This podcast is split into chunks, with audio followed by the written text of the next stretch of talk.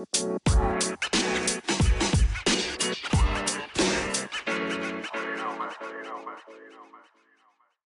and welcome back to our podcast. Em, nggak kerasa Piala Dunia udah berakhir. Aduh sedih banget. Padahal perasaan baru baru Baru mulai ya. gua. Iya lo baru berangkat. Gue baru gue kayak masih begging buat streaming streaming Piala Dunia tuh ada kayak di TV Indo gitu. Yang gua kangenin tuh udah ketika astagfirullah. jam 2 itu ada yang ngirim line up gitu kan. Kemarin-kemarin kok sepi ya nggak ada ngirim line up ya. Iya sih Mas bagus kan. Apalagi kalau apalagi kalau gue lagi iya apalagi kalau gue lagi keluar itu em, kebantu. Ya kemarin kan jam 1 jam 2 siang gitu kan ngecek oh kira ada yang kirim line up nih. Kok sepi ya nggak ada ya. di WhatsApp grup atau di Telegram grup ya. Iya. Oke, sebelum masuk ke pembahasan, em, ada yang menarik dari pergerakan transfer ini. Ya, tapi mau suka suka maupun enggak, harus sadar kalau Piala Dunia ini efeknya tuh kerasa sampai bursa transfer. Jadi tuh kayak kadang-kadang ada surprise move, kadang ada yang expected gitu kan. Contohnya itu em, kemarin siapa ya? Kurt Nevin milih stay di Sydney FC padahal masa depan dia cerah banget loh. Gak apa-apa kalau soal rekornya itu. City tuh kasihan, tinggal 17 pemain. Udah digembosin Brighton, ada yang pensiun, pindah ke tetangga. Eh bukan tetangga sih, pokoknya tim elit lain lah. Menurut Bang Ejal gimana nih soal keputusan Kurt Nevin? Dia balik lagi ke Sydney ya. Iya, Tetap stay. Stay ya. Eh, ya sebenarnya oke lah buat Sydney. Cuma kan eh, chance dia habis World Cup sebenarnya banyak klub gede gitu kan yang mau ngambil dia gitu. Cuma ya itu mungkin keputusan dia ya. Karena dia juga masih muda juga. Mungkin next masih setahun atau dua tahun lagi mungkin lebih siap lagi, lebih proper lagi buat ke Eropa gitu. Jadi mungkin sekarang eh, untuk waktunya dia ya stay dulu lah di, di apa di elit gitu ya. Cuma ya kalau buat gua sih eh, oke-oke aja sih. Ya nggak nggak terlalu masalah gimana. Cuma buat gua nunggu setahun atau dua tahun is, is oke lah gak apa-apa gak masalah. iya, iya. Em, kemudian banyak beber sayangnya belum ada rumor soal asli Plumtree ya. Padahal kemarin waktu Piala Dunia bagus banget loh. Itu dia dirumorin ke mana tuh? Belum ada, cuman kan dia gak perpanjang kontrak di Leicester. Ya nggak kegeser mungkin ya karena kan Leicester kan lagi Leicester sama Brighton kan sekarang lagi banyak apa beli pemain juga kan. Kira-kira Plumtree end up ke mana ya? Dia posisinya apa deh kak? Apa? Eh, apa? back back tengah atau enggak back sayap kanan? Dia tuh Aduh, sekarang main di. Itali ya. Tidak mau menebak. Apa? Sekarang mau nebak. Tapi MU sabi gak sih? Kan butuh fullback tuh. Gantiin. Iya, iya, tapi kan ya gitulah skincu. Iya jujur aja ya. Em, kita tahu em Geise ini kan resmi ke eh, Manchester United kan. Ah, Tapi lo yakin nggak sih ngelihat Geise bakal starting? Gak tahu ya kan Russo udah cabut. Iya, iya sih memang. em, tapi memang banyak yang bilang em, ini upgrade dari Russo. Kayak event better version gitu kan. Kalian setuju nggak sih? Ya sekarang mau mau nggak mau ya dia kan udah kehilangan Russo gitu. Terus striker lu siapa lagi gitu? Ap- apalagi sekarang udah udah eh, apa namanya kan eh, rekrut GC gitu. Lu nggak mau harus eh, starting di situ. Maksudnya jadi pilihan utama. Siapa lagi coba striker lain? Kan nggak ada gitu sebenarnya. Mm-mm. Em, terus masih banyak yang kurang sih sebenarnya. Banyak si striker, pemain tengah, pemain belakang. Mm-mm. Banyak banget PR-nya. Ya, begitu. rumor-rumor sih em, ada yang meng- ada yang ngabarin kalau Kira Kunikros dirumorin ke Everton. Ya menurut gue sih bakalan layak sih sebenarnya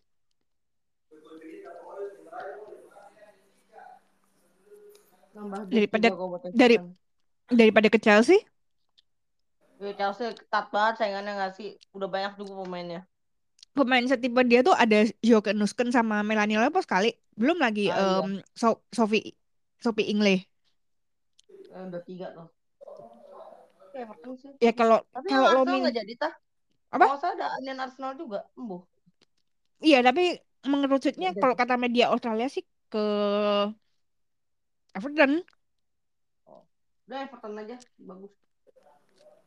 Terus Cuma ada Charlie, terus ada Charlie Grant di mana dia link ke anu Aston Villa. Oh, Tapi ya deserve lah. Orang circle dia si Tegan Meka aja udah ke Liverpool. Terus lu ngapain iya. bertahan di Swedia? Tinggal aja sih satu circle-nya tuh yang gak tau ke ke mana. Terakhir sih di Chelsea kok nggak salah si Ross Hmm. Bakken. Mm-mm. Mm-mm. Tapi tuh Gori masa nggak ada yang ngincer? Oh iya Gori. Gori udah lah ini aja menjaga anak. Apa kalau dia menurut Mas Ijal di LC di LC aja. Produk ini vokal pride. apa em, menurut Mas Ijal Gori harus pi- pindah ke mana nih? Kalau buat gue sendiri sih stay aja sih di di, di mana di Australia gitu ya. Dia kan di juga ada di Swedia di Fitzu. oh sekarang main di mana sih? Kirain Kalau gor, gorinya ini, gorinya Australia apa Sweden. siapa? Mm-mm. Kategorinya Australia kemarin kan bagus banget tuh selama Piala Dunia. Oh, kalau mau balik ke Australia sih oke aja gitu. Cuma kalau lo main di Inggris atau let's say di Jerman kayaknya bakal susah gitu. Karena kan ya baru kemarin kan baru kelihatan bagusnya belum mereka kayak klub-klub di Inggris ataupun Jerman pun kayak masih belum belum tahu gitu ke depannya ini pemain bagus apa enggak. Sebenarnya secara kualitas kemarin buat Women's World Cup sebenarnya bagus gitu. Cuma kalau dia buat gue sih masih level tier tuh ya dalam artian pemainnya bukan eh, top top banget gitu ya. Mungkin kalau di Inggris di tim middle ataupun tim bawah masih bisa kepakai cuma kalau lo di tim atas kayak bakal jadi backup doang dan eh, nggak nggak dapat menit bermain juga tapi kalau mau balik ke Australia kayaknya masih bisa kepakai banget malah jadi andalan kayak Kalau Brisbane kan cuman beberapa bulan kan, terus habis itu kan ke Sweden. Swedia biasanya. Kalau pemain Australia itu rata-rata yang baru starter di Eropa tuh seperti itu. Ya pelarian dari pemain Australia kalau misal dia nggak ke Inggris atau dari Jerman atau ke mana kan larinya kan ke Skandinavia mereka Iya betul.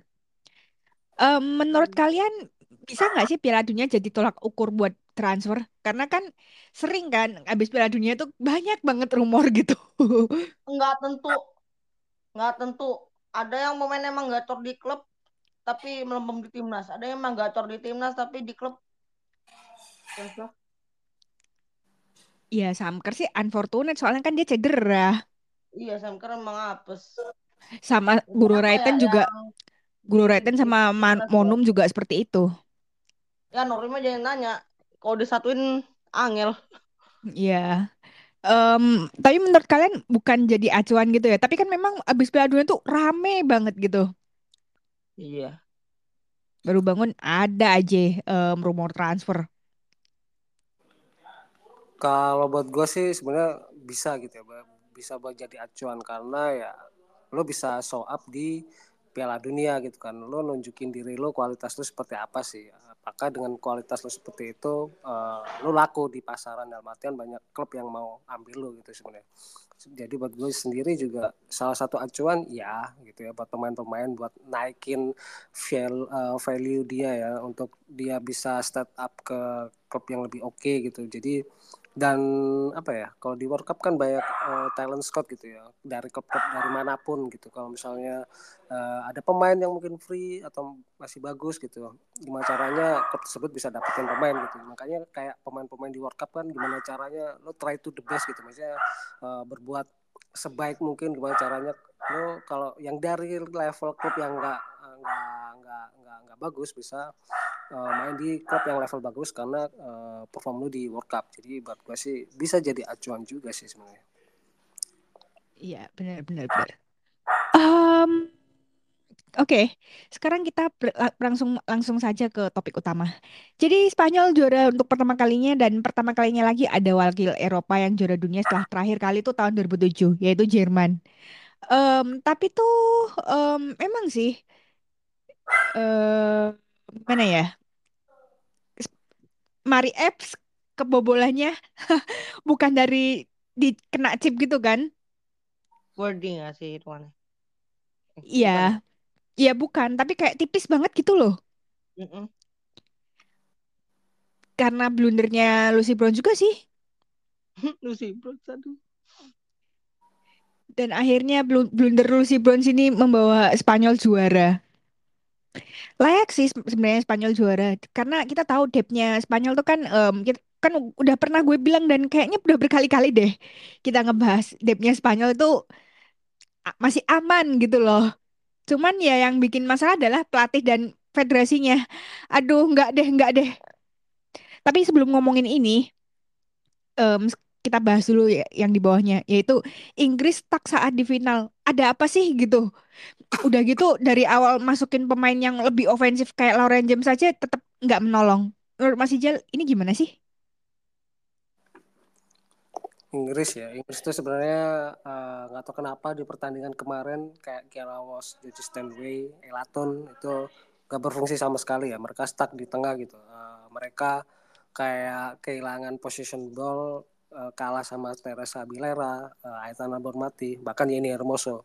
Yang gue lihat kemarin Yeni Hermoso main ke agak lebih ke tengah daripada dia di depan sebagai target man karena di target man dia nempatin si Albaredono dan juga sama Paruelo ya. Uh, jadi nggak tahu kenapa Stanway, Walsh sama Elaton nggak fungsi sama sekali. Mereka kayak bingung dia mau ngapain gitu ya di tengah terus hmm, ketika lini tengah lu deadlock gitu ya ketika lu mau build up serangan itu pasti mereka bakal direct direct passing ya entah itu Millie Bright uh, terus Greenwood ataupun Jess Carter sendiri mereka bakal direct ke Alicia Russo ataupun si Lauren Ham gitu. Terus Lucy Brown sebagai fullback dan juga uh, Russell Daly kayaknya dia juga masih agak kepentok ya, kepentok dalam artian lu di sayap masih kebentur sama Ona Bate yang main bagus dan juga Olga Carmona yang bagus gitu.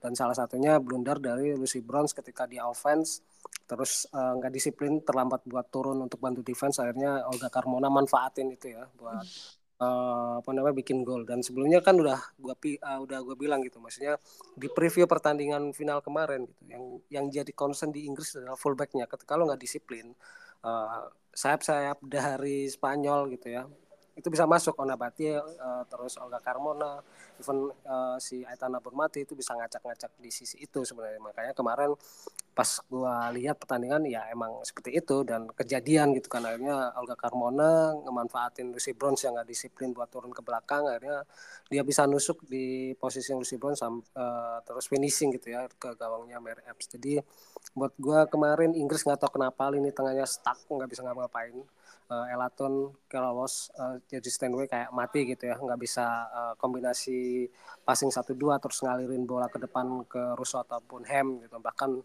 uh, Lauren Ham sendiri juga agak frustasi gimana caranya dia pegang bola itu kayak nggak mau passing ke siapa gitu ya. Terus dia individual buat nusuk ke gawangnya si Spanyol gitu. Jadi katakol.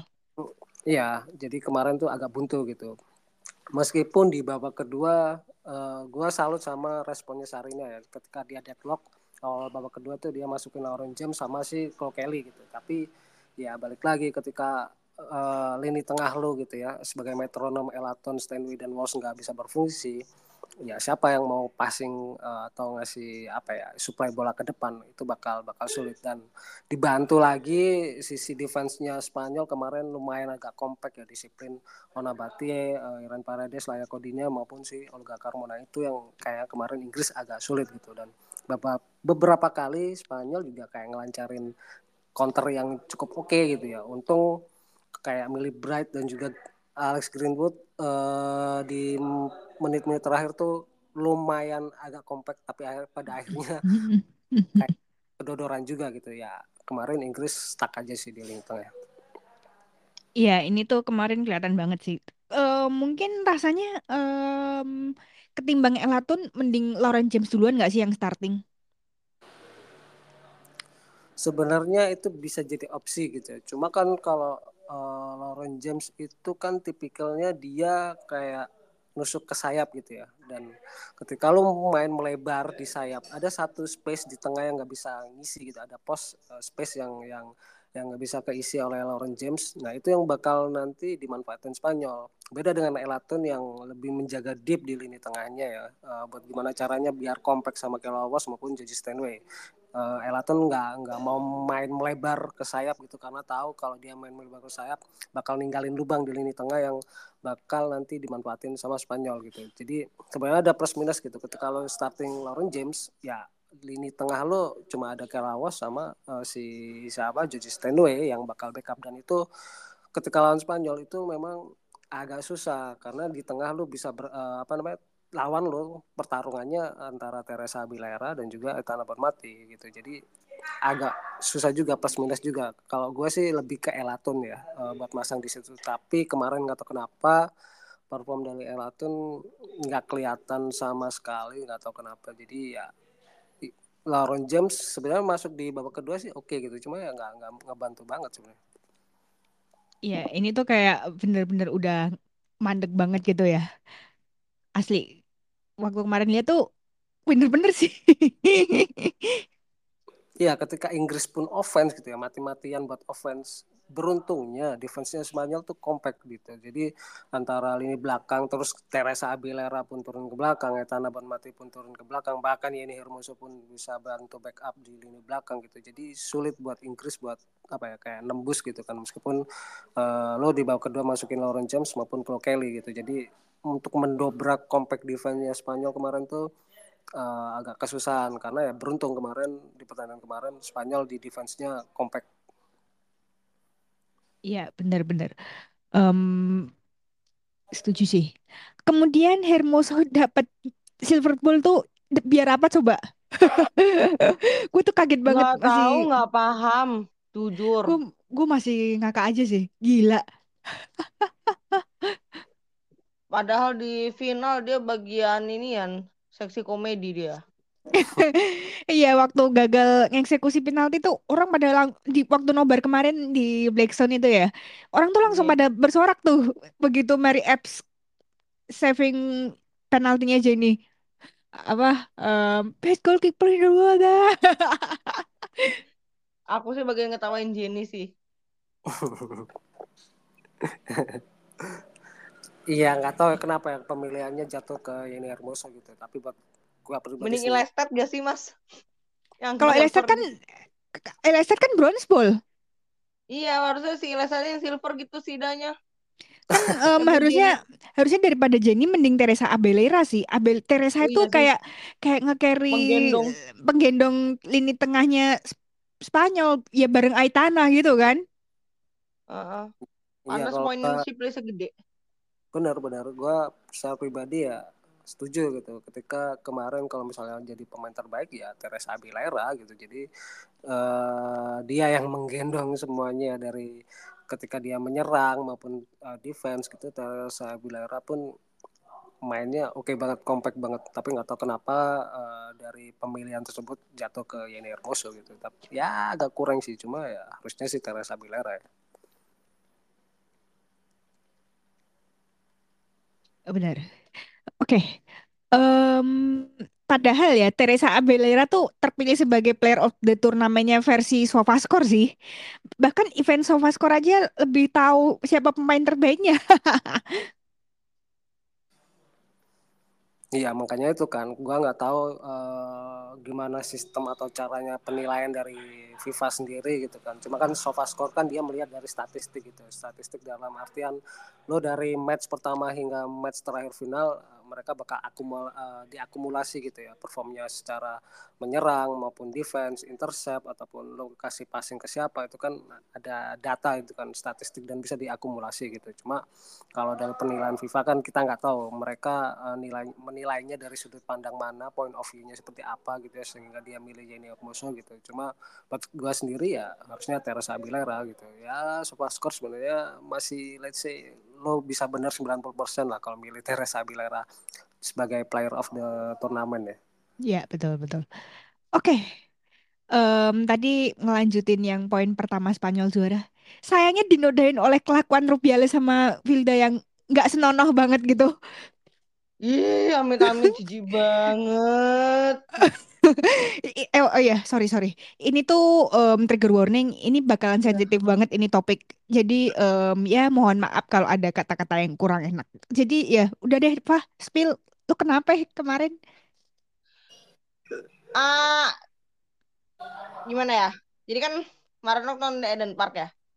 Hmm. Sebenarnya kalian tahu sendiri kalau saya nonton Spanyol tuh rasanya tuh pengen mengambil foto untuk bahan santet. Ya usah tanya lah santet buat nyantet siapa. Pas lagi ngambil sampel, dia dapet nih. Itu orang megang pundak gua. Itu dari Twitter. Gua bukan lebih tinggi tapi tuh gua pas itu geli sama kayak lu ngapain megang pundak gua anjrit udah foto-foto aja nah kayak ya Allah nah. gue nggak apa sih kayak geli gitu kayak ngapain gitu that's unnecessary gitu untung dapet fotonya gitu buat bahan santet. Ntar gue kasih crop kalau misalnya mau cropannya minta aja ya DM Laura Predewe yeah. yang cropannya. Jangan foto sama gue ntar takutnya salah inian salah kirim. Kan gak lucu gue makna ikon makna santet. Bukan santet lagi ya tapi kayak aduh udah deh. Um, jadi kayak orang lebih melihat kesuksesan ini terlepas dari pemain dan kita tahu um, depthnya Spanyol tuh bagus dan bisa mengkapitalisasi itu kan? Yes. Um, kalau orang kalau orang ngerti banget pasti bakal ngomong seperti ini. Bukan kayak um, nganu ke pelatihnya alah gue nggak mau nyebut namanya deh males. Pas pelatihnya okay. pas lagi selebrasi ada twitter juga nggak sih kak? Yang kata pegang pegang punya asistennya. Siapanya tuh? Uh, Monse Tome. Ya asistennya tuh Monse Tome. ya yang di kayak jepol gitu. Iya betul betul. Itu tuh mantan ya, pemain Barcelona. orang juga deh. Iya itu namanya Montserrat oh, Tome. Itu itu bener-bener sih waktu dia megang-megang, aduh, aduh tuh gak senonoh banget.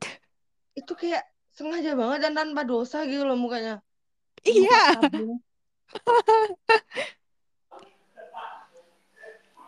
Gue tandain ya guys, nggak mau sebut namanya, pelatihnya Spanyol.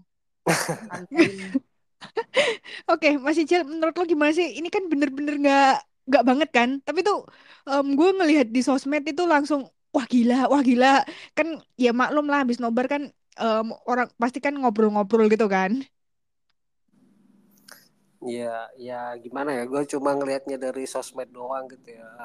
Beberapa kejadian yang memang nggak seharusnya dilakuin gitu ya. Cuma terjadi gitu ya. Buat gue uh, salah satu presiden buruk ya. Kalau juara kemudian dinodai dengan faktor non teknis, apalagi sekelas uh, presiden federasi gitu ya jadi buat gue buat gue ini presiden buruk dan ya lo harus minta maaf gitu. Apa pun alasannya gitu. Nanti ketika pemain atau fans ketika nggak mau nerima permintaan maaf itu ya itu resiko gitu. Resiko perbuatan yang lo lakuin kemarin gitu. Jadi salah satu hal yang nggak bisa diterima dan banyak dikecam juga dari seluruh dunia kenapa lo harus berbuat gitu gitu ya? Apalagi sekelas federasi gitu. Jadi ini salah satu apa ya kayak membuka tabir kotak Pandora bahwa federasi Spanyol tuh nggak baik-baik saja sebenarnya. Nggak nggak cuma dari sisi teknis secara non teknis pun mereka kayak attitude dan sebagainya tuh ternyata oh gini ya attitude dari federasi sepak bola Spanyol gitu. Jadi apa yang mereka sangka uh, dunia apa yang mereka sangkakan kemarin soal pelatih yang memang uh, apa namanya nggak bagus dan banyak protes dari pemain yang sampai nggak ikut Piala Dunia akhirnya benar gitu kejadian gitu. Ketika teman-teman gitu yang dari seluruh dunia ini kenapa sih Spanyol orang pemainnya bagus-bagus tapi kok pada jelek-jelekin pelatihnya kenapa sih? Nah akhirnya mereka tahu gitu dengan kejadian kemarin oh ternyata si pelatih dan federasinya lagi nggak baik-baik saja gitu dan ternyata berita itu benar gitu. Jadi akhirnya membuka semua gitu membuka keburukan-kebobrokan dari federasi maupun pelatihnya sendiri gitu ya dari uh, faktor non teknisnya gitu jadi buat gua ya ini salah satu presiden buruk sih dalam artian lo dapat prestasi terus lo nodai seperti itu ya kayak prestasi lo kayak agak kurang sebenarnya Iya betul. Um, apa ya? Kemenangan Spanyol tuh kayak gini loh. Um, jadi tuh kita tahu seberapa busuknya Federasi Spanyol sejak lama kan. Kalau kalian ngikutin itu pasti tahu kebusukannya seperti apa. Dan bahkan pelatihnya timnas Spanyol terus sampai kenapa dia dipertahanin gitu. Dan bahkan pada akhirnya semua terungkap dalam selama final itu. Lo bisa lihat ini loh busuknya federasi sama pelatihnya ini gitu. Tanpa berbahasa basi yang bla bla bla wawawa gitu kan. Dan harusnya juga pemerintah Spanyol harus kasih punishment ya dalam artian sampai sekarang kan cuma uh, kayak mereka minta maaf terus kemudian dari pemerintah Spanyol sendiri nggak tahu dari menteri pemuda olahraganya kayak menteri apa namanya budaya dan sebagainya kan mereka cuma ngasih statement doang gitu. Tapi nextnya kita nggak tahu mereka dapat punishment apa enggak gitu. Cuma buat gue sendiri ya pemerintah harus turun tangan di sini ya. Lo harus kasih punishment sebenarnya. Makanya kita nunggu nih dari pemerintah Spanyol apakah uh, dari siapa si siapa federasinya kepala federasinya itu bakal di Luis Rub, Rubis Rubi, Luis Rubiales ya, alias alias alias bapak-bapak sampah Iya, sebenarnya gue tahu namanya tapi gue males nyebutnya gitu. Jadi jadi ya lo harus kasih punishment gitu. Makanya sampai sekarang kan belum ada berita gitu ya punishment seperti apa. Cuma dari pihak pemerintah cuma mengecam gitu kan. Ya ini sebenarnya udah presiden buruk lo lo nggak bisa harus mengecam lo harus kasih punishment gitu harus hukuman sebenarnya. Iya itu harus orang lah gitu ya Allah kasihan banget Salma. Nyampah nyampah di lewat orang, nyampah di negara orang, terus habis itu lu nyampah di TV gitu loh. Di mana lu kayak ratusan juta orang tuh nonton. Ya makanya itu kan. Ini kan event World Cup gitu loh. Maksudnya lu di ditonton banyak orang sedunia gitu. Ketika lo atit lo attitude lo nggak baik sedikit ya ke soal kamar lo bakal jadi pemberitaan dunia gitu. Jadi ya malu-maluin sih sebenarnya. Mencoreng banget lah buat Spanyol lebih dari malu nggak sih itu udahan? Ya makanya kan adjustment gue kan sekarang gimana nih nextnya? Lo harus lo harus kasih punishment dong. Dalam artian di sini uh, pemerintah Spanyol gitu. Jangan sampai kejadian besok besok ini terulang lagi karena nggak ada punishment gitu kan. Kalau misalnya nggak ada punishment kan kayak mereka di federasi ah uh, pemerintah tambah ngelunjak gitu uh, makanya nggak nggak ngasih punishment kok. Besok besok kita uh, kayak begini lagi bakal didemin kok sama pemerintah gitu kan. Jangan sampai seperti itu ya. Maksudnya besok besok besok pun jangan sampai terang lagi. Karena kan di sini kan kasihan gitu kan. Korbannya adalah pemain dan sebenarnya uh, sexual harassment itu kan sebenarnya bukan apa yang dilakuin secara langsung itu yang yang yang bikin malu kan. Cuma memorinya kan membekas gitu. Sampai besok lu tua sampai besok apa kan masih masih masih kayak teringat oh dulu gua kayak gini ya uh, diginiin sama federasi dan sebagainya. Itu kan jadi kayak beban mental gitu kan. Makanya uh, apa ya kesulitan orang-orang yang mengalami seksual harassment itu kan sebenarnya memorinya gitu kan mentalnya yang yang ini yang ketekan gitu. Jadi lo bisa cedera kaki atau patah tulang dan sebagainya atau cedera ACL pun bisa diobati. Lo bisa uh, kayak perform lagi atau fit lagi. Tapi kalau mental itu kan susah. Sampai lo tua pun bakal membekas gitu sebenarnya Iya, benar. Um, ya, yeah, well, Kem kemudian nggak um, cuman bahkan pemerintah udah minta dia mundur kan, karena itu udah malu-maluin banget. Tapi si botak itu dia tuh kayak minta maafnya nggak tulus. Terus kayak dia tuh kayak em, berusaha ngebela diri tapi sama aja lu lu ngebela diri kagak bisa diterima, Cuk. Minta maaf, dia mau bikin video tapi kalau sama si korbannya kurang ajar nggak sih? Iya, itu kurang ajar banget sih. Ya jelas nggak mau lah. Kayak ini botak-botak ini kenapa sih problematik? Gak botak yang di NWSL, nggak botak yang di Spanyol. Kayaknya botak-bot gue, botaknya kan tahu sendiri lah siapa yang botak yang di NWSL dan botak yang di RFEF ini. Iya iya. iya. Iya iya iya. Kalau kalau ngebaca report yang hampir berapa ratus halaman sih, Pak? Gue lupa, ti- 200 apa Gak tahu 300 sih. Iya, iya kurang lebih segitu tuh pasti apal dan langsung muntah gitu kalau lo baca reportnya seratusan halaman itu. Kalau botak-botak yang Indonesia pada baik-baik nggak? Ah, Atau nggak tahu deh kalau nggak pernah ngikutin bulat. Stop sampai di situ aja ya, jangan lari ke mana-mana. Botak yang baik, botak yang baik itu tukang cukur gue. Iya bener. Nice. Bahkan ya agak OOT dikit. Em, bahkan em, meskipun dia tukang barber standar cowok, tapi kayak kalau kayak biasanya kan nge-grooming kan pakai kayak gel gitu kan atau pomade gitu kan. Dia enggak, enggak pernah nyaranin begitu. Ya, ya, ya. Bagus bagus. Itu tuh kayak pokoknya beda banget lah gitu. Ya makanya gue kas- klasifikasikan sebagai botak terbaik tuh ya tukang cukur gue. Ya iya, iya. ngomong-ngomong, tapi kan aku udah ngeduga sih kalau misalnya menang tuh pasti si Ono-Ono itu bakal ngelunjak dan bener. Ya bahkan sampai Wilda di tos Isak ke mungkin. Langsung tumirin aja sekalian. Lu bahkan lu bahkan ngelihat yang itu deh. Em apa? Yang di tos di atas lapangan itu loh. Si Oh iya Ono yang itu. yang trofi. Iya, yang enggak yang habis sebelum nerima trofi itu kan dia ditos di lapangan tuh. Nah, Nah, itu tuh kayak anjir itu lebay banget sumpah. Udah tahu abu abuser masih di tos-tos gitu. udah nggak habis thinking aku nggak kuat. Mm. Di luar Nurul nggak habis Fikri. Iya, iya itu tuh kayak udah cancer se-cancer cancernya. Ya sebenarnya kan kita udah bahas gitu sebelumnya. A- ada dua sisi mata uang gitu ya dalam artian ketika Inggris yang juara kayaknya masih agak kurang karena memang secara perform dan secara apa ya taktikal permainan Spanyol yang menang gitu ya secara unggul gitu ya unggul mereka gitu.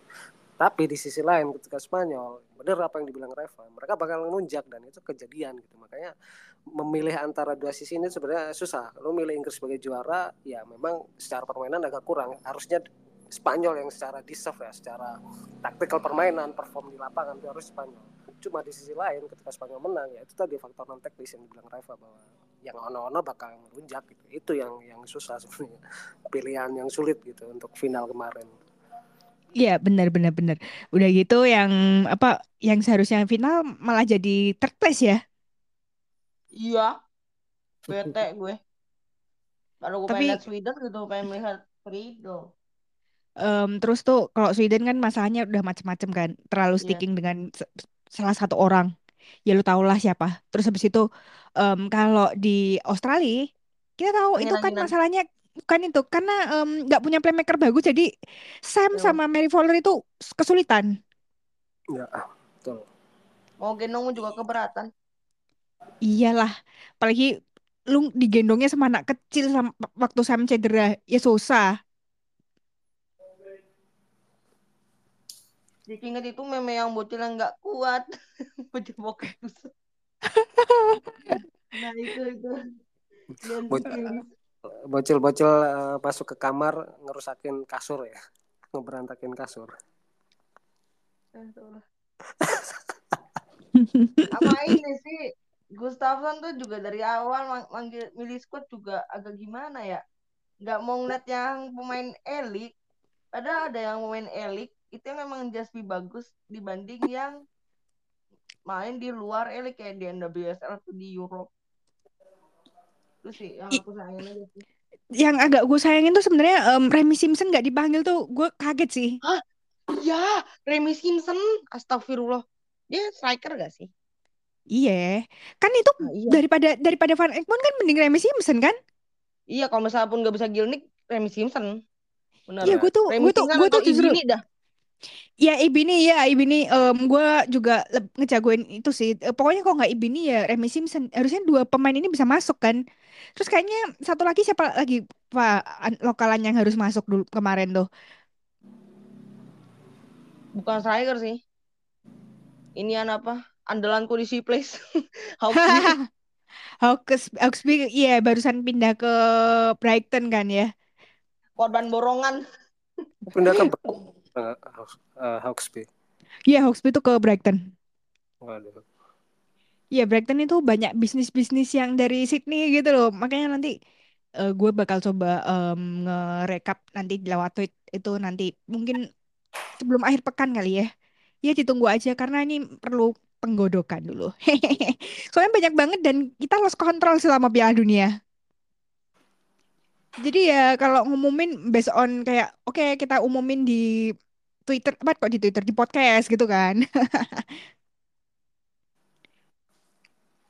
Kemudian next em, Mary Epps dapat Golden Glove tapi ya memang sih agak susah antara em Mari Epps ataupun si Cira Musovic kan. Karena keduanya ya memang sama-sama sama-sama bagus. Ya kalau Mari Epps kita tahu dia tahu caranya mengkapitalisasi sebuah momen. Makanya kenapa dia sam- sampai di titik ini karena ya itu dia bisa mengkapitalisasi momen yang dia punya gitu. Ya sebenarnya kalau penghargaan-penghargaan kayak gitu kan uh, mereka ngambilnya di match final ya gitu ya. Jadi pemain meskipun bagus tapi lo nggak main di final kayaknya bakal kegeser gitu. Apalagi kemarin kan yang dipilih sebagai uh, Golden Glove-nya kan Mary Epps karena dia main di final dan kebetulan dia sebenarnya salah satu kiper yang bagus gitu ya. Cuma secara overall uh, Women's World Cup gue lebih ngelihatnya Zecira gitu ya karena Mary Epps secara keseluruhan turnamen dia tuh bikin 17 save sama 3 clean sheet. Beda dengan si Zecira ya. Zecira itu kalau nggak salah 22 save dan sama clean sheetnya 3 gitu sama Mary Epps gitu. Coba kemarin kalau misalnya si Swedia masuk ke final itu bakal jatuh ke Zecira gitu. Cuma ya sayang karena kan pemilihan untuk wording kayak gitu misal pemain terbaik ataupun kiper terbaik kan uh, dari tim yang bisa masuk ke final. Dan salah satunya Inggris yang diwakilkan sama Mary Epps jadi ya mau nggak mau ya ya harus dia gitu cuma kalau misalnya lebih deserve siapa yang uh, dapat Golden Glove ya gue sih milihnya Zecira sih Iya, iya, em, setuju sih. Cuman ya jarang aja sebelum final terus eh yang apa yang nggak masuk final terus dapat Golden Glove tuh kayaknya agak jarang ya. iya jarang I- Selam, yang gua amatin ya selama Piala Dunia itu. iya maksudnya uh, wording kayak gitu kan jarang gitu dari peringkat tiga atau peringkat empat gitu kan pasti yang main di final yang bakal dapat award gitu meskipun lo di peringkat ketiga ataupun peringkat empat ada salah satu pemain yang bagus yang lebih deserve tapi ya mau gimana lagi karena wordingnya ya yang tim atau pemain yang main tim uh, di tim yang di apa masuk di final Ya, benar-benar. benar. Em, kurang lebih ya begitu sih ya. Oke, sekarang kita ngomongin match terbaik dan terburuk selama Piala Dunia 2023. Menurut kalian, oke dari Raifa dulu deh. Match terbaik. Yes. Apa ya? Bingung. Ini sih setiap Nadeshiko main sampai pokoknya sampai sebelum Sweden. Especially pas uh, Nadeshiko ngerujak yang lagi yang habis juara. Iya ya, um, gue begitu ingat itu. Eh gila, kok bisa sih um, Nadeshiko kalah dan ketemu Sweden kecepatan gitu kan ya?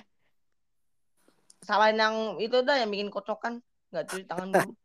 Bukan bukan kocokan, tapi tuh kayak um, kayak zigzag gitu loh. Um, kloter New Zealand dibedain sama kloter Australia. Ya kan udah resiko dong. Real. Iya, iya, iya. M- Menurut Raifa yang terburuk apa nih? Terburuk Jerman Kolombia sih itu kayak kebangetan banget. Iya iya iya, I second this. Bener-bener I second this. Itu tuh kayak Itu kayak gila nemen. permainannya mm, itu itu goblok banget sumpah itu em, apalagi em, begitu Sarah Dawson out itu langsung bener-bener wassalam banget gitu loh. Oh iya, aku mau nambahin sih ma- match terbaik. Jangan sampai lupa match opening itu keren banget. Walaupun ya backnya Norway turu kabeh sih. Iya Iya bener sih, eh, setuju sih. Karena kemenangan pertama New Zealand ya siapa yang tidak emosional sih Iya. gitu. Apa Oke, gituin. oke. em, kalau menurut gue match terbaik itu sebetulnya pas apa ya? Em, mungkin ya sama seperti Raif. Apa, Waktu Filipina ngalahin New Zealand. Ya su- surreal sih, surreal sih sejujurnya. Tapi itu Iya, itu juga. perwakilan perwakilan Asia Tenggara menang bisa ngalahin tuan rumah tuh gila sih. Tapi ya memang secara kekuatan tuh mereka mirip-mirip sih. Cuman ya kalau ngelihat performa si Filipin pas match pertama itu agak nggak kaget juga. Bahkan Iya. Swiss aja kerepotan. Malah aku pengen kemarin tuh pas liat jujur pengennya seri aja cukup gitu loh. Iya, iya, iya. maling gacha orang. Maling gaca. Aduh, maling gaca. Lagi zaman apa? Em, kalau perta- per- per- pertandingan terburuk itu waktu Jerman tersingkir secara resmi itu sakit banget yang lawan Korea. Kayak Alex Pop itu golnya yang sundulannya itu kan offset kan? Ya emang agak Ya. sayang aja sih. Cuman ya gimana ya? Udah situ udah sakit banget sumpah gue. Tapi yang parah tuh yang Kolombia sih kayak itu last minute comeback, ya Allah. Ya ya ya, gue setuju karena nggak ada yang jagain gitu loh pas set pieces terakhir itu. Kayak bener kayak kok bisa gitu loh. Iya, Aneh. iya betul. Em, menurut Mas pertan- match terbaik dan terburuk selama Piala Dunia kemarin apa? kurang lebih sama sih sama yang udah disebutin tadi gitu ya. Match terbaik ya buat gua ya Filipina New Zealand ya. Bagaimana kita gitu ya sebagai eh, orang ASEAN dan ada representatif eh, tim dari ASEAN dan cukup sukses itu kan kita juga ikut bangga gitu ya. Eh, Filipina menang lawan New Zealand. Itu pun kayak kita sebagai orang ASEAN pun bahkan orang-orang ASEAN yang lain tuh kayak amazed gitu sama Filipina. Oh ternyata representatif dari ASEAN bisa berbicara loh di Women's World Cup gitu kan. Dan sampai apa ya bisa ngebanding bandingin gitu kan. Misal Filipina menang misal di negara Malaysia gitu kan. Ngelihat Filipina New Zealand. Filipina aja bisa menang dan bisa berbicara gitu ya di Women's World Cup. Gimana dengan timnas kita di Malaysia gitu. Pun juga di Thailand gitu. Orang-orang Thailand ketika ngelihat Filipina New Zealand uh, Filipina bisa oke okay ya. Terus gimana dengan tim kita di Thailand? Begitu pula kita di Indonesia gitu. Ketika Filipina menang gitu ya pasti yang dirujak pak PSSI gitu ya. Jadi kita gitu ya. Iya. gitu, banding bandingin kan. Gue cuma bisa nangis di pojokan sih iri. ya makanya kan ketika Filipina menang tuh banyak perbandingan gitu ya. Banyak perbandingan di negara-negara lain gitu ya. Mereka lebih ke eh, introspeksi diri gitu ke negaranya atau federasinya. Filipina aja bisa gitu. Masa di kita nggak bisa gitu. Jadi ya buat gue match eh, terbaik sih Filipina eh, New Zealand ya. Karena rem rentetan rembetannya tuh bisa ke PSSI gitu. Banyak yang dirujak gitu PSSI-nya gitu. Terus Mana pakai ada itu lagi netizen ngomong ini opini jelek. Ya, Iya, iya itu katanya sering sih. match terburuk ya kurang lebih sama lah ya. Eh, Jerman Kolombia itu sebenarnya salah satu key point sebenarnya. Kalau misalnya Jerman bisa menang di situ sebenarnya bisa lolos ke next stage gitu. Tapi nggak tahu kenapa. Lo lawan Kolombia yang cuma ada si Linda Caicedo dan si siapa?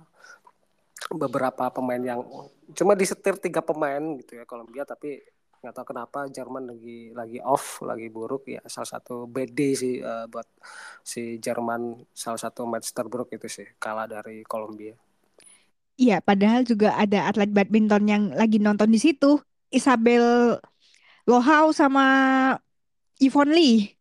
Iya iya Bahkan sampai dibantuin Lena Latway dapet tiketnya itu. Waduh itu sumpah sakit banget itu. Padahal lo tuh juga selain main badminton juga pengen nonton timnas Jerman langsung gitu.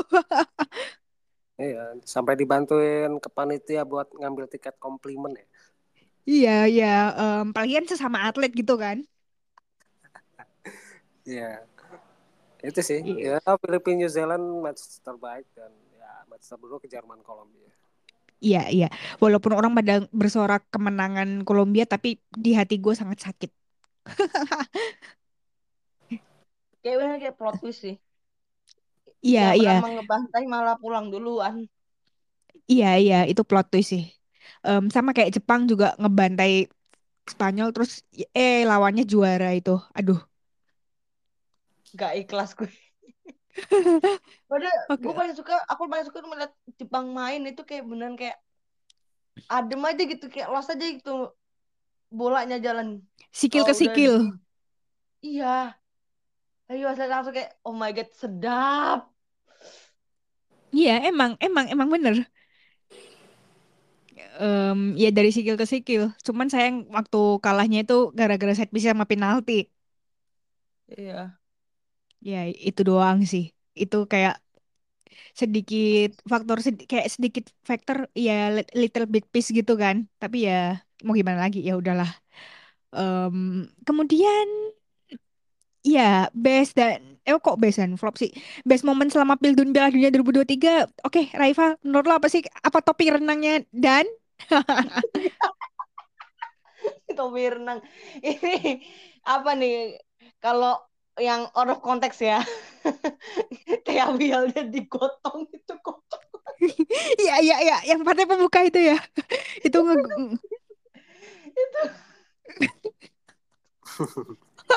Tapi itu aku paling gak, aku paling gak bisa move on dari opening sama setiap akun Tribun. Ya, dapat memori lagi ya, maksudnya bisa foto bareng pemain gitu kan kapan lagi gitu ya. Itu bakal Debut di FIFA tiga kali loh masuknya. masuk FIFA ya. Gila gila. Iya, di Dadiden dua, di akun satu. Tiap tiap BLT kan yang digotong itu kocak banget sih itu. Tiganya tertekan setiap T- TG TGH stres em, si Vilde Borisa netral Ya, itu ngisan. sama tiap BLT mm, cengengesan. Tapi the best moment itu sih. First win New Zealand sama first win Filipina. Iya, em, kemudian menurut Mas Ijal apa sih eh, momen terbaik sama Pilgrim 2003 baik dalam konteks maupun di luar konteks? Kalau di luar konteks gue kayaknya jarang ngelihat ya, mungkin ngelihatnya dari sosial media di Twitter atau di mana gitu kan banyak meme atau video-video lucu gitu. Cuma gue nggak concern ke situ sih, lebih ke lebih gimana caranya sisi permainan atau taktikal gitu. Coba kalau best moment sih menurut gue eh, Swedia USA ya adu penalti tapi ada VAR di Oh situ. iya Jadi itu juga. Iya itu itu itu itu itu bagus itu banget, kocak banget. sih. Itu the Iya iya. sih. Aku nonton aku sampai teriak kayak oh my god yes juara baru. Apa itu tuh kayak apa Hawkeye sih bahasa bahasa tenisnya itu. Kayak kayak gini kayak gini kan kalau di tenis kan kayak Miss Lina Hurtig challenging the court on the right baseline the ball was go in. Iya. Ya, ya itulah best best moment ya menurut gue ya adu penalti. Lo adu penalti aja masih ditentuin oleh teknologi gitu dan itu bakal jadi drama gitu kan. Ketika orang bilang ah sepak bola sekarang ada VAR atau goal line teknologi kayak nggak seru nggak ada drama. Tapi kemarin kebukti gitu bahwa teknologi pun bisa bikin drama gitu antara Swedia lawan USA dengan eh, tendangan Lina Hurtig yang sepersekian mili gitu ya yang lewat nggak apa namanya lewat dari garis cuma berapa gitu kan itu jadi salah satu best moment sih dan ya best momennya karena ya saya tersingkir gitu sebenarnya jadi ya best Dan nggak dan gak ada yang nyangka kalau yang pahlawan kemenangannya Hurtik. ya Iya iya iya. Ditentukan oleh dalam kutip ngabers. ya kalau gue sih best momennya itu sih Eh, match Swedia sama USA itu best moment itu bakal dikenang banget bahkan dari publik USA karena mereka gagal gitu ya dengan drama seperti itu sih Dikenang netizen. iya betul Iya iya iya iya. Em, kalau best moment selama Piala Dunia ya dalam kok dalam konteks sih em, apa ya dalam konteks ya gue soalnya udah disebutin semua sih Cuman kalau gua, dari gue tuh best momennya saat Filipina ngalahin ngalahin New Zealand itu udah personal itu bener-bener di hati banget gitu loh. Terus habis itu sebagai ASEAN sister. sebagai ASEAN. kemud- kemudian em, ngelihat Vietnam ngedefense se- segitunya pas lawan Amerika Serikat itu juga Yes. keren banget Temboknya gitu. mantap. Itu bahkan ngegagalin penalti Alex Morgan itu udah paling epic sih. Nanti Kim Tan. Em, Namamu ke- terlalu terkenang. kemudian Swi- Swiss itu kayak kayak sebenarnya kesulitan pas lawan lawan Swiss apa lawan Filipina itu ya. Itu tuh bener-bener sih.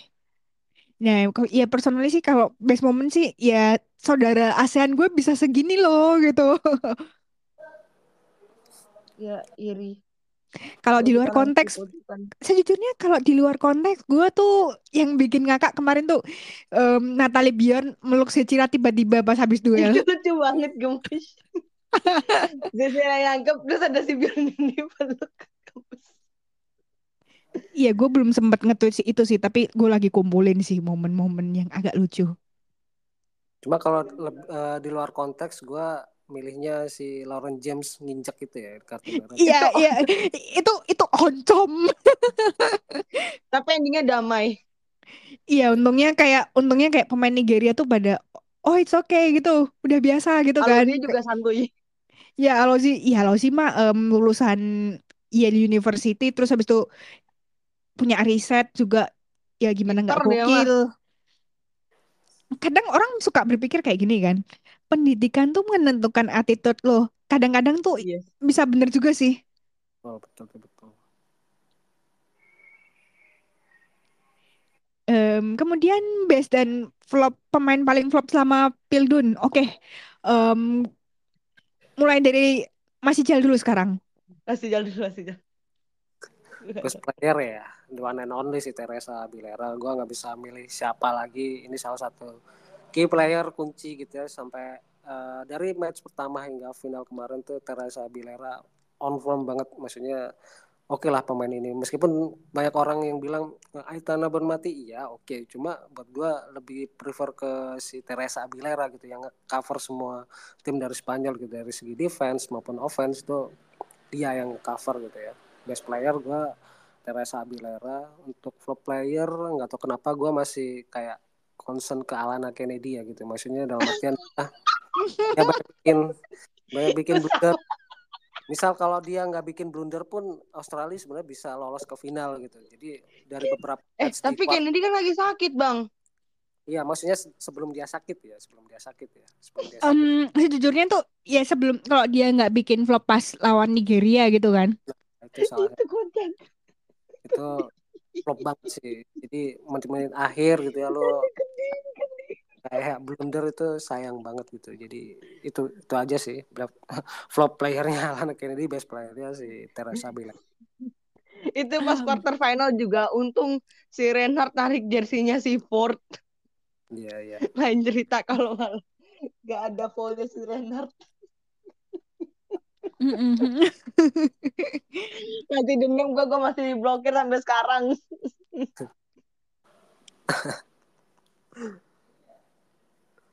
Oke, menurut Raifa pemain terbaik dan flopnya siapa sih selama turnamen? Oke, yang flop dulu ya sama kayak Mas Ijal. Kendi, the one and only Alana Kendi, Alana Kennedy. Sabep dah yang ngeblokir gua kemarin sampai sekarang di Twitter. Masih dendam gue. Masih dendam. Tapi emang asli itu ket- ketolong fallnya Renard pas quarter final. Kalau Iya. misalnya nggak ada fallnya si Renard tuh lain cerita. Nggak ada cerita hero kayak si Courtney. Malah yang terkenang malah giveaway-nya dia. Bukan Iya, giveaway iya. asis lagi, giveaway goal. Iya, iya, Sama ini tuh. Iya ya, waktu Nigeria tuh juga parah sih. Itu kayak lu seharusnya di atas kertas menang dari Nigeria atau nggak imbang. Tapi kayak gini. udah nge ngebab giveaway. Tapi kasihan sih lagi sakit. Cepat sembuh Mbak Lani. Cepetan unbock aku juga ya. Em, Oke, Kalau best player nih aku bingung jujur. Selain Teresa, kalau kata masih kan Teresa ya. Aku Iya. kayaknya aku bener aku nggak nggak bisa move on dari Nadeshiko jujur. Miyazawa kah? Real. Ya sama. Aku benar nggak bisa move on dari pemain Jepang.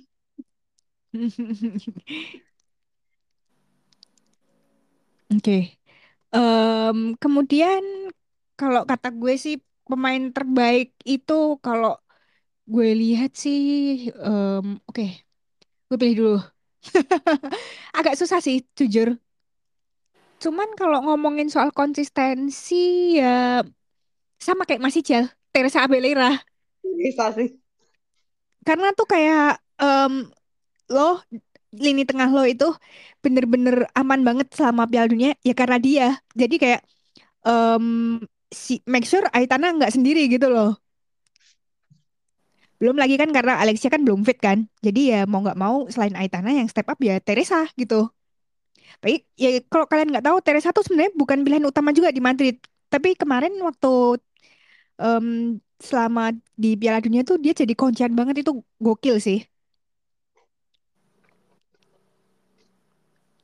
Kemudian yang pa- yang ngeflop itu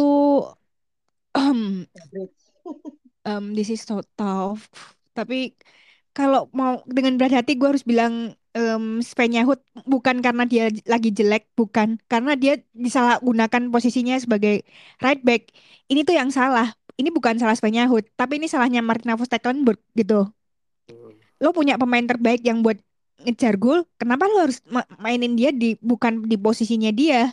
Karena ini kan juga udah pernah kejadian waktu zamannya si Stevie Jones di Euro 2017 di mana endingnya juga sama. Waktu itu em, di Euro itu kalah di perempat final gitu.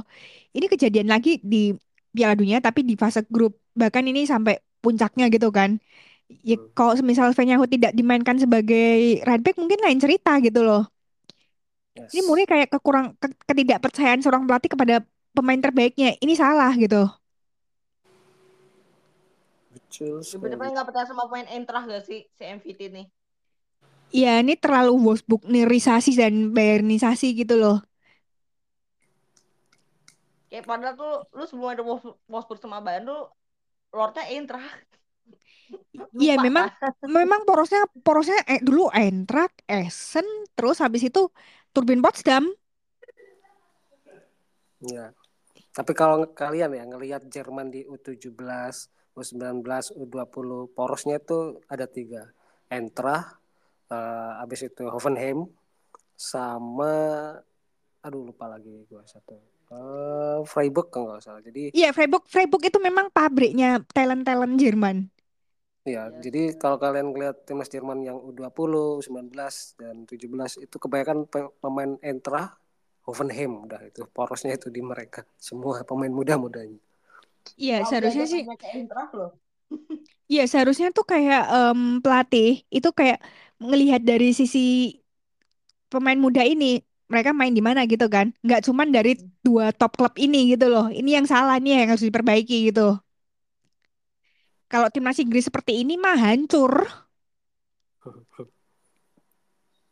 Ataupun em, Spanyol ya. Tapi Spanyol tuh karena pemainnya memang bagus-bagus semua gitu kan.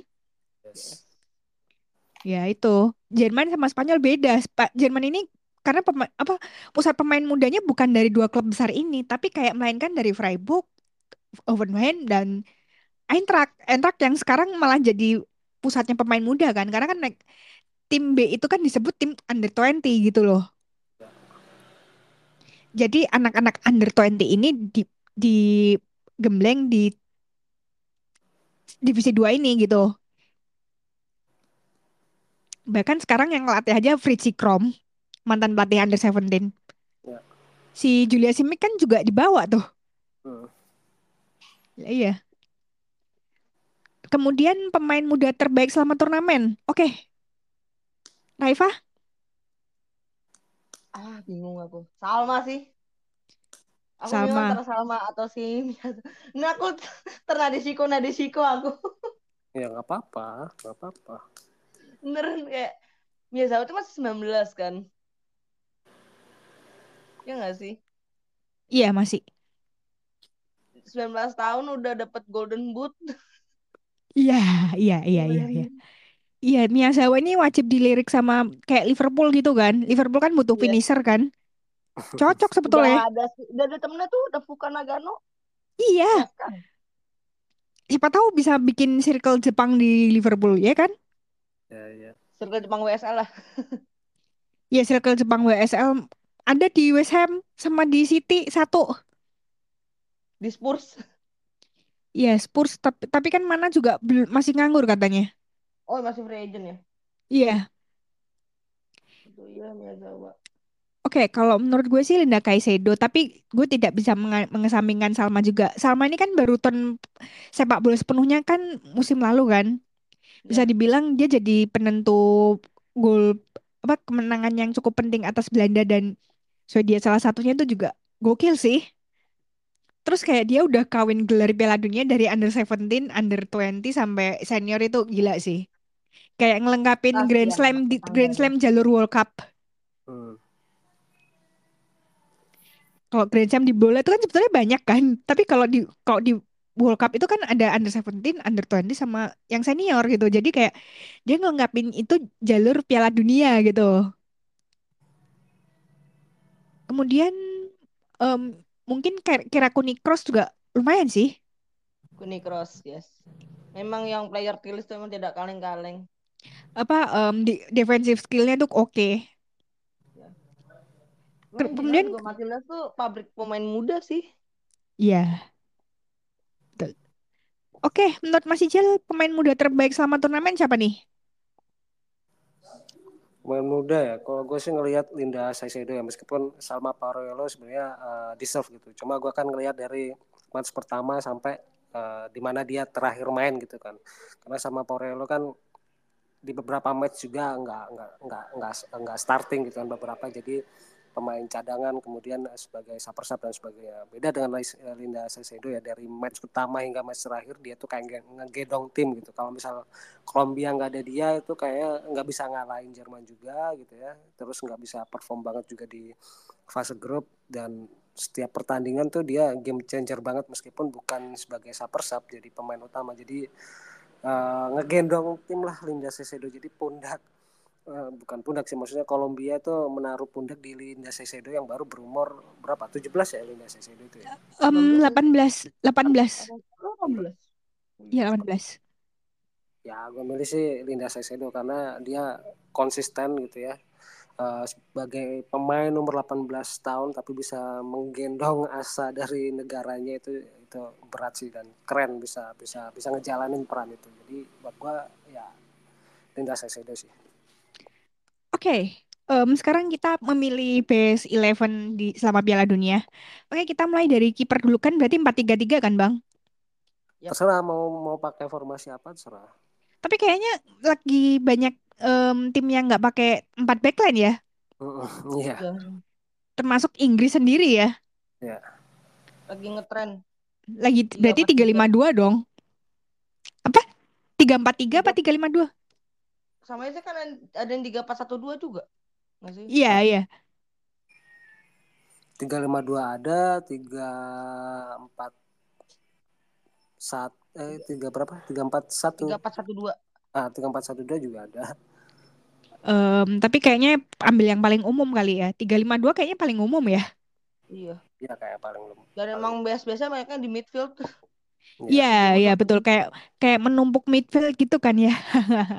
Oke, okay, kita mulai dari kiper. Um, tentu saja kiper nggak akan jauh dari Zecira Musovic. Yes. Ini kayak wajib banget masukin Zecira Musovic ke best goalkeeper loh. Kemudian untuk tiga backline gimana menurut kalian? Ilestat wajib kudu yeah. mesti masuk. Ilestat. Kemudian um, di kemudian mungkin Carter kali ya. Carter, Ilestat. Carter. Carter, Ilestat. Sama satunya lagi. Ayo. Ona eh Ona Batie. I think Ona Ona Batie. Ona, Ona bukan sih, Bang? Ya, bisa Ona jadi. atau Olga ya? Iya, Ona kan Iya, Ona kan right back. Iya. Kemudian um, lima, lima midfield menurut Mas Ijal gimana nih yang paling enak? mungkin ini aja ya satu-satu misalnya dari Raifa siapa best elevennya terus Mbak Nino siapa terus menurut gua siapa gitu mungkin lebih lebih enak ya karena kan nggak usah milih-milih lagi gitu ya bebas buat milih siapa aja. Kalau buat gue sendiri buat gue ya dari kiper ya Zesi Ramosovic gitu. Terus gue prefer pakai formasi tiga dua tiga dua tiga dua. Bener nggak sih? Bener ya sepuluh ya tiga dua eh kok tiga tiga tiga Iya, dua sih benar tiga dua tiga dua. tiga dua empat satu kalau kalau gue sih. tiga dua empat satu sorry. Kiper Zeci Ramosovic terus pemain tiga belakang Amanda Lestat, Ona Batie sama mungkin Jess Carter ya atau bisa Iya. di split Alex Greenwood mungkin yes oke lah terus yeah. Clifford di belak eh, di tengah Teresa Aguilera sama gua bingung antara Giroud sama Lindsay Horan di situ ya nanti bisa dipilih lah Rot lah. Daripada Horan. Teresa Aguilera Giroud terus ya Giroud lah jangan Lindsay Horan terus tiga di depan tiga di tengahnya eh Aitana Bun Mati Yeni Hermoso. Yeni Hermoso gua nggak taruh di ini ya. Nggak taruh di striker dia lebih main di midfield lebih enak di situ dia kemarin mainnya. Aitana Bun Mati Yeni Hermoso terus eh, di sayap mungkin Linda Sesedo sama si Heli Rasu mungkin yang lebih oke. Terus di depan Hinata Miyazawa sih ya itu sih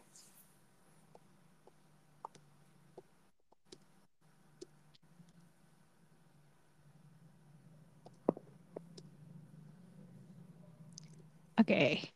Em, next. Kayaknya kayaknya kita hampir sepakat kali ya. Iya. Tiga tiga dua empat satu gitu kan. Karena kan em, di mana-mana kalau base base eleven itu kan ya sama semua sih ya. Ya sama, cuma kan nggak tahu kalau dari menurut Raifa mungkin ada perubahan di sisi midfield atau striker atau Mbak Nina sendiri ada pilihan lain mungkin. Kalau gua sih Teresa udah bener sama Ror daripada Horan. Iya, iya. Bener, itu itu kayak paten sih. Kalau mungkin gue sih instead of Kayla Kunikros mungkin gue memilih Katrina Gori sih. Mirip-mirip gak sih mereka berdua? Iya, betul, mirip-mirip. Karena kan dia kayak nge-defend iya, terus kayak nge itu juga iya, nge-defend apa nyerang, bantu nyerang gitu. Oh iya, ini Rasa tuh di winger ya? Tadi. Rasa tuh winger, memang winger, Hmm. murni. Oh iya, pure winger sih. Iya, Nah, kayak- kayak- aku ada kayak ada opsi lain. Mungkin Raifa ada opsi lain? Bingung sih. Iya, soalnya gue sih kalau. Tapi ra Raso sih. Situ Raso. Iya, gue sih juga memilih Raso karena striker sih, em, gue sih lebih nggak ada yang lebih pantas daripada Miyazawa sih. ya Iya, Miyazawa.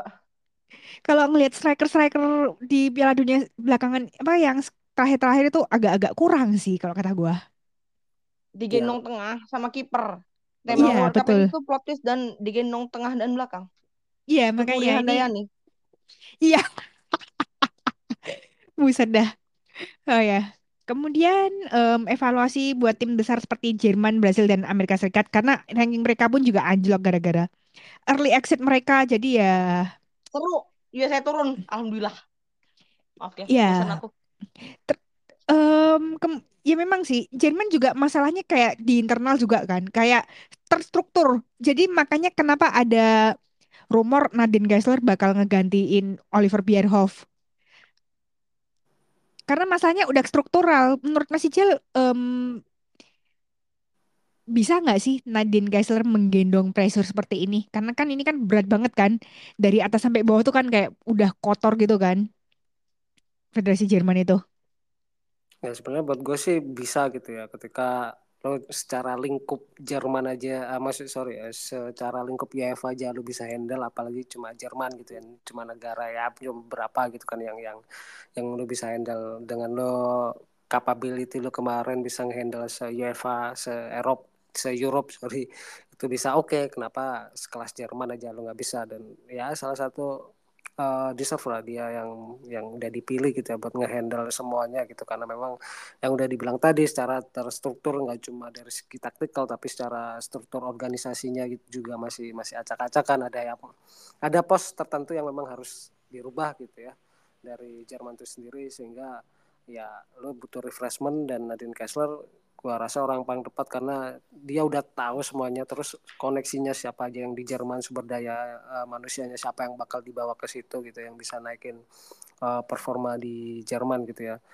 Kalau buat secara taktikal sendiri uh, balik lagi ya Jerman ini kan sisi defense gitu ya. Defense sebagai uh, problem utama. Ketika lo main di tengah dan di striker nggak nggak cukup ada problem cuma di defense lo harus banyak perubahan di situ dan untuk di jajaran staff pelatih mungkin ya yang udah dibilang kemarin-kemarin ya MVT itu kurang kayak percaya sama pemainnya gitu percaya dalam artian lo ada salah satu pemain terbaik di pos posisi itu kenapa lo harus switch atau uh, transform pemain yang nggak di posisi itu gitu ya. Terus eh, nggak uh, tahu kenapa di momen World Cup kemarin tuh untuk strategi substitute-nya tuh jelek gitu ya. Dari segi taktikal waktunya ataupun pemain yang dipilih buat substitute itu menurut gua kayak kurang gitu soal uh, strategi itu buat buat MVT jadi menurut gua Nadine Kessler cukup bisa ngehandle ini dan kayaknya pressure nggak terlalu ini ya nggak terlalu pressure banget karena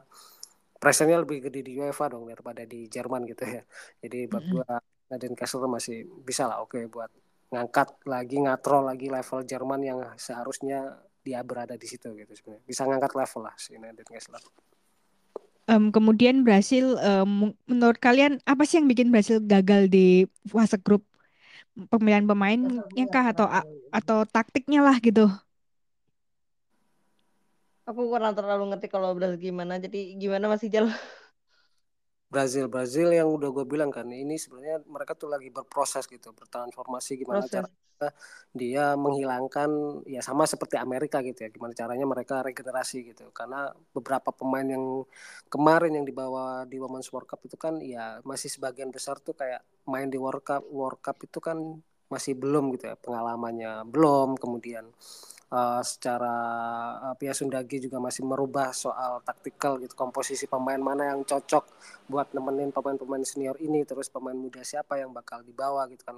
Kemarin tuh masih kayak ngeraba-ngeraba si Brazil masih belum cukup untuk apa ya uh, adjustment taktikal untuk pemain yang bertransformasi yang terus dibawa ke event sekelas World Cup yang lebih gede gitu. Pressure itu bakal pasti ada gitu. Jadi buat gua ya nggak apa-apa. Ini salah satu uh, hasil yang mungkin Brazil nggak bagus karena uh, performanya jelek tapi sisi positifnya mereka mau berani gitu regenerasi dan ini adalah proses gitu kan. Jadi nggak ada tim bagus secara instan nggak ada. Karena uh, semuanya pasti butuh proses gitu. Kita nggak tahu empat atau lima tahun lagi dengan komposisi seperti ini Brazil bakal bagus gitu. Kita nggak bakal tahu. Tapi semoga aja bisa kayak gitu gitu ya. Jadi buat yeah. gua Brazil uh, masih dalam proses transformasi antara dari pemain sen, um, senior ke pemain muda-mudanya itu itu sih yang dari dari Brazil kemarin kenapa nggak nggak cukup perform. Kemudian kalau Amerika kita tahu um, USSF ini lagi juga lagi hancur ya sama aja sih. Um, cuman le lebih ke dari level bawahnya juga sih. Makanya ini ketul nyampe ke senior gitu kan ujung-ujungnya. Jadi itu kayak Flatko mau regenerasi tapi sulit gitu loh. Jadi kayak ada beberapa pemain senior yang terpaksa harus out gitu kan. Walaupun mungkin caranya kan kadang tidak semua cara tuh enak gitu kan. Ya. Ya ini yang terjadi di Amerika. Jadi kayak mereka terlambat regenerasi dan akhirnya waktu di 16 besar ini gitu sampai Vlatko dipecat gitu kan? Ya betul main juga sih aku ingat yang si Morgan dipaksa buat kayak Inen Makario padahal jelas mereka beda jauh. Beda jauh lah. dan si Vlatko malah termaksa kayak Moyo punya plan B ngono loh pak. Pak. Ya iya ini sih yang yang di, agak disayangkan dari Vlatko karena kurangnya plan B ini yang juga berpengaruh gitu loh. Ini juga terjadi di Olimpiade dan kejadian lagi sih. di Piala Dunia. Sama ini kalau pelatih sih pelatih di klub bagus tapi belum tentu di timnas juga bakal bagus. Soalnya nggak cuma Flatko doang kayak gini. Dan... Martina Voss Tecklenburg juga seperti itu. Yes. Mirip soalnya permasalahan mereka tuh. Ya, tapi kalau kalau gue lihat Amerika lebih kompleks ya, kompleks dalam artian uh, yang udah dibilang tadi gitu ya, terlambat regenerasi, kemudian soal adjustment taktikal soal pelatih, gimana caranya dia nerapin uh, taktikalnya ke pemain-pemain itu juga agak kurang gitu. Cuma yang gue sorotin di sini adalah permasalahan besar uh, apa namanya uh, USA ini adalah uh, egosentris gitu ego pemain-pemain besar ini yang punya nama ini sulit buat dikendaliin gitu ya karena balik lagi Amerika gitu ya. Secara pressure tuh pasti bakal berat karena mereka sebagai juara bertahan gimana caranya untuk di World Cup ini buat mempertahankan gelar juara itu uh, bakal dapat pressure gitu ya. Karena uh, seperti yang banyak orang bilang gitu ya mempertahankan itu lebih susah daripada lo dapat atau ngerebut gitu gitu. Jadi uh, pressure-nya bakal lebih gede gitu. Cuma yang gue lihat di sini Amerika tuh gimana caranya pelatih ini nggak bisa ngehandle ego ego ego pemain ini sebenarnya. Karena kan kita tahu gitu ya di Amerika khususnya untuk pemain cewek atau pemain sepak bola gitu ya ketika lo dapet nama terus uh, lo sebagai pemain bola perform lo bagus itu setara dengan artis gitu. Artis kan ya kita tahu lah secara entertain terus ego ego untuk masalah pribadinya kan lebih gede gitu daripada lo ke apa namanya main di lapangan tuh sangat pengaruh banget. Jadi Amerika ini secara taktikal juga problem di luar lapangan juga problem jadi lo harus beresin semua gitu ya apalagi lo kayak mau bidding contender buat tuan rumah Piala Dunia lo harus beresin ini semua kalau lo masih berharap uh, di Piala Dunia next gitu ya bisa perform lagi. Jadi harus dari detik ini sih, dari mulai empat tahun ke belakang ini sampai besok tuh harus lo benerin biar ya lo bisa perform gitu. Jadi regenerasi pemain muda uh, pemain muda ketuanya itu harus dijalankan terus terus siapa pelatih yang bakal ngehandle ini karena bukan soal taktik tapi juga dressing room juga lo handle juga.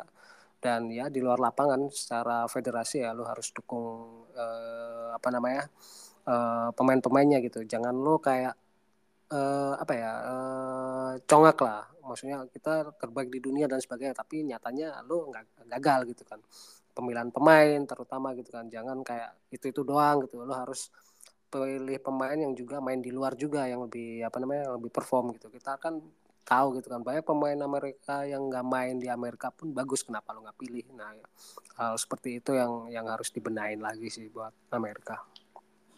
Ya benar benar benar. Um, sebagai penutup Piala Dunia 2023 tuh menghasilkan banyak rekor Australia juga bikin banyak rekor jumlah penonton buat pertandingan sepak bola perempuan um, disamain dua kali terus habis itu New Zealand juga bahkan sebenarnya stadion mereka kebanyakan stadion rugby gitu. Kemudian sebelas juta. Stadion aja tuh habis H plus satu H plus satu matchnya Belanda Vietnam itu kan mm -hmm. tadi bahas soal rugby ya, aku inget. Iya. Yeah. Kan aku nambah shift H plus satu mm -hmm. match mm -hmm. itu gawangnya digusur. iya bener kayak sampai bener-benernya apa yang semua digusur gawangnya juga terus out mau dipakai buat matchnya All Blacks. Oh iya iya ingat-ingat. All Blacks kan waktu itu main di Dunedin kan? Yes, main di Forsyth Bar Stadium. Um, kemudian um, Matilda juga finish terbaik di Piala Dunia, fourth place gitu kan. Kemudian football fans New Zealand menang ingin partai pertama mereka di Piala Dunia. Walaupun emang nggak lolos ke 16 besar kan emang agak sayang sih kalahnya dari aduh yang paling si paling eh uh, eh uh, uh. si paling eh uh, uh, Swiss. sih kenapa kemarin match terakhir tuh kenapa nggak Wilkinson Masterclass gitu loh kayak pas opening ngono loh. ya, ya kurang becuai DN. Iya sih. ya itu. Ya, jangan jangan lupa di underline bahwa tim-tim debutan untuk Piala Dunia ini cukup perform ya. Banyak uh, tim-tim debutan, maksudnya negara-negara debutan yang sebelumnya belum pernah masuk World Cup, tapi untuk di World Cup kali ini banyak yang perform gitu ya. Jadi yeah. salah satu harus di underline dan juga mungkin uh, kita harus menaruh respect ke timnas Maroko karena salah satu pemainnya yang satu-satunya pakai hijab itu jadi kayak ngerubah mindset orang-orang di dunia gitu bahwa oh ternyata pemain cewek gitu ya main hijab di kelas Women World, uh, World Cup gitu ya, event besar gitu ya, ternyata dapat atensi gitu makanya sampai di media di seluruh dunia pun kayak nge-highlight Marco oh, ternyata keragaman buat diversity-nya untuk Women's World Cup ini ternyata masih bisa jalan bisa kepake itu sih jauh leb- jauh lebih kerasa gitu kan. Bagi kan Australia kan membebaskan pemain berhijab untuk bermain kan. Beda kalau semisal masih di Prancis kan. Ini loh apa? Sampai masuk di FIFA 23 juga. Si siapa? Nohaila Benzina kan? Betul, sampai ad- sampai dibikinin patch-nya. Bayangin loh. tuh. Itu kayak nunjukin diversi diversity-nya itu gede, lebih gede daripada di Prancis kemarin. Gitu sih. Ya, this is perfect sums lah. Um, Oke, terus sep- ngomongin soal prediksi ranking sedikit. Jadi tuh em, Swedia bakalan pindah ke urutan paling atas, kemudian disusul Spanyol dan ketiga, push ketiga, eh, Ya keti- eh, eh, ketiga itu siapa sih? Prediksinya Prancis apa siapa sih? Gue lupa. Sama lupa. Pokoknya gue Iya. cuma pengen USA turun aja. Terus kamu, Dia, terus kamu, Matilda sama Sweden tuh push rank gak sih? iya Matilda juga post rank. Nah, kayaknya sih masuk top 10 ya. Nanti kita tunggu aja pada hari Jumat ranking terbarunya. Oke? Ya. Oke.